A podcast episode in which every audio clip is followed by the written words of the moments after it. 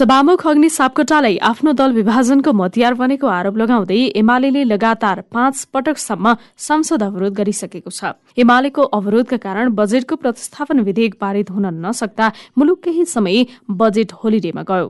सोमबारको बैठकमा पनि एमालेको अवरोध कायमी रह्यो। तर सत्तापक्षले पेलेरे विनियोजन विधेयक पास गरेसँगै सरकारलाई बजेट खर्च गर्न पाउने बाटो बल्ल खुलेको छ।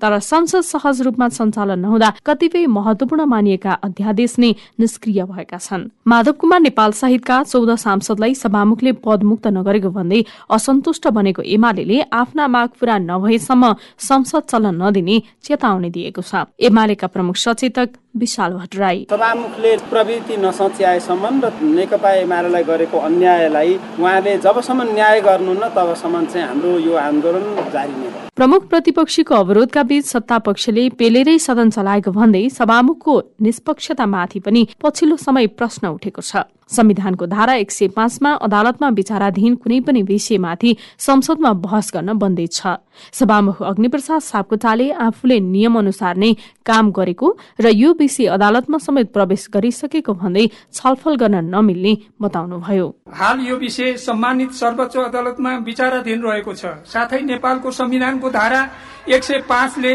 अदालतमा विचाराधीन मुद्दाहरूको सम्बन्धमा संघीय संसदको कुनै सदनमा छलफल गर्न बन्देज गरेको व्यवहार जानकारी गराउँछु।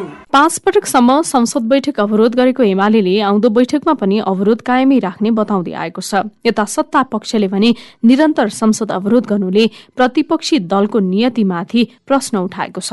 आउँदो बैठकमा प्रभावकारी ढंगबाट आफूलाई प्रस्तुत गराउनु पर्ने जोड़ दिनुहुन्छ कंग्रेसका सचेतक पुष्पा भूषाल सभामुखी बैठकमा आउनको लागि तयार हुनुहुन्न भने कार्य व्यवस्थाको पनि अध्यक्षता त सामान्य सभामुखले नै गर्ने हो नि। त्यसबाट के देखिन्छ प्रमुख प्रतिपक्षी दलको नियतिमाथि प्रश्न खडा भयो। रचनात्मक सहयोग र सुझावको अपेक्षा हामीले गरेका थियौँ तर त्यो अनुसारको भूमिका नखेल्नु भनेको निश्चय नै यो संसदप्रति र जनताप्रति एउटा गैर जिम्मेवारी आफ्नो प्रस्तुत गरेको हुनाले मलाई के लाग्छ भने अब भोलिको दिनमा प्रमुख प्रतिपक्षी दल अब फेरि सुधारिएर संसदमा प्रस्तुति गर्नुपर्छ र आफ्नो भूमिकालाई अत्यन्त प्रभावकारी ढङ्गबाट निर्वाह गर्नुपर्छ। संसदीय गतिरोध अन्त्यका लागि सभामुखबाट पर्याप्त पहल नहुनु र प्रतिपक्षी दल आफ्नो अडानमा टसमस नहुनुले नेपालमा संसदीय प्रणालीलाई नै असफल बनाउने प्रयास भइरहेको भनेर अर्थ्याउनेहरू पनि पर्याप्त छन्।